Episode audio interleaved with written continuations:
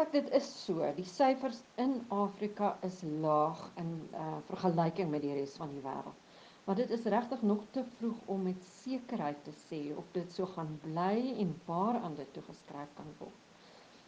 Um, ons by die Instituut vir Sekuriteitsstudies werk nou aan 'n artikel oor die Afrika Unie se rol en so ek met 'n paar mense um, veral gister in die uh, in, in die week uh, oor hierdie kwessie gepraat. So dit lyk vir my asof daar twee denkrigtinge is.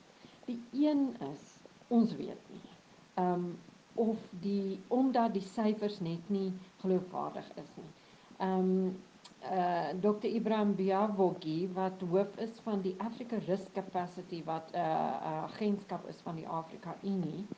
Ehm um, en wat kyk na risiko, dis amper so amper hulle gee versekerings vir maatskappye agter uh ehm um, regerings oor ehm um, teen droogte sprinkaanpla en so voort. Hy het gesê ons weet regtig nog glad nie of die syfers geloofwaardig is nie omdat ehm um, hy sê net die wat uh, getoets word se syfers word aangeteken en weens die gebrekkige infrastruktuur ensovoorts weet ons glad nie presies hoeveel mense in watter lande ehm um, uh, die koronavirus opgedoen het nie.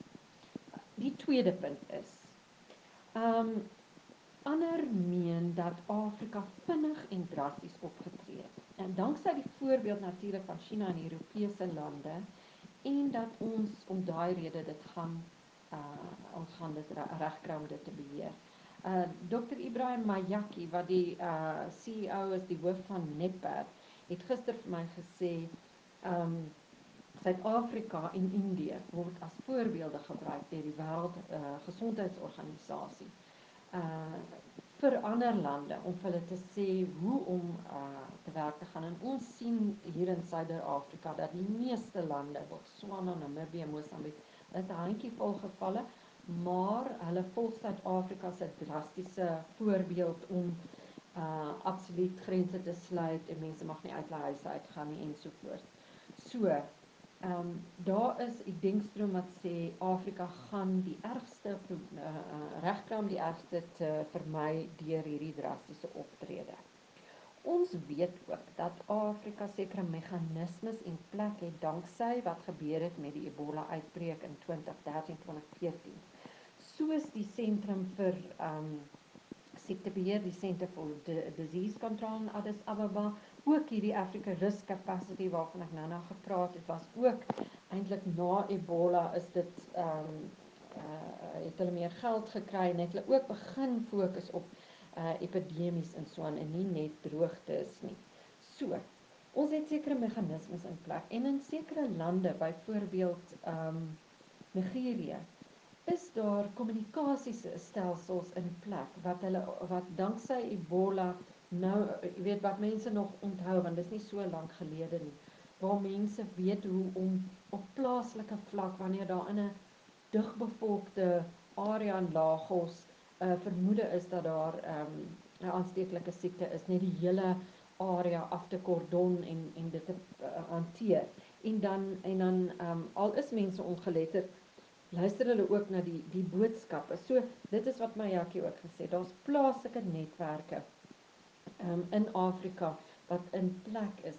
Dis ook belangrik het hy gesê dat mense moet kyk na ehm um, byvoorbeeld uh hoe dat plaaslike leiers in gemeenskappe uh hierdie boodskap moet oordra. En ek dink dit is bietjie anders as in Suid-Afrika waar dit net die polisie en die weermag is en Cyril Ramaphosa en dit word op mense afgedwing.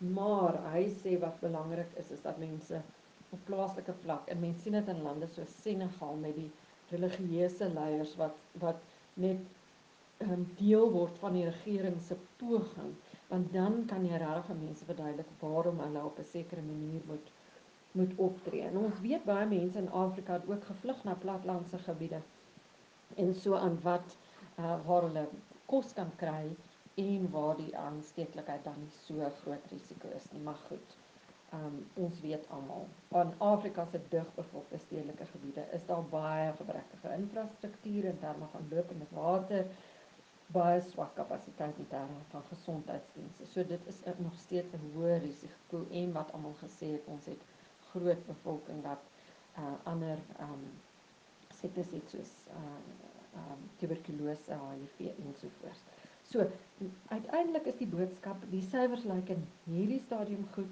Afrika het sekere dinge in plek wat in ons voordeel uh tel maar dit is regtig nog te vroeg om te sê.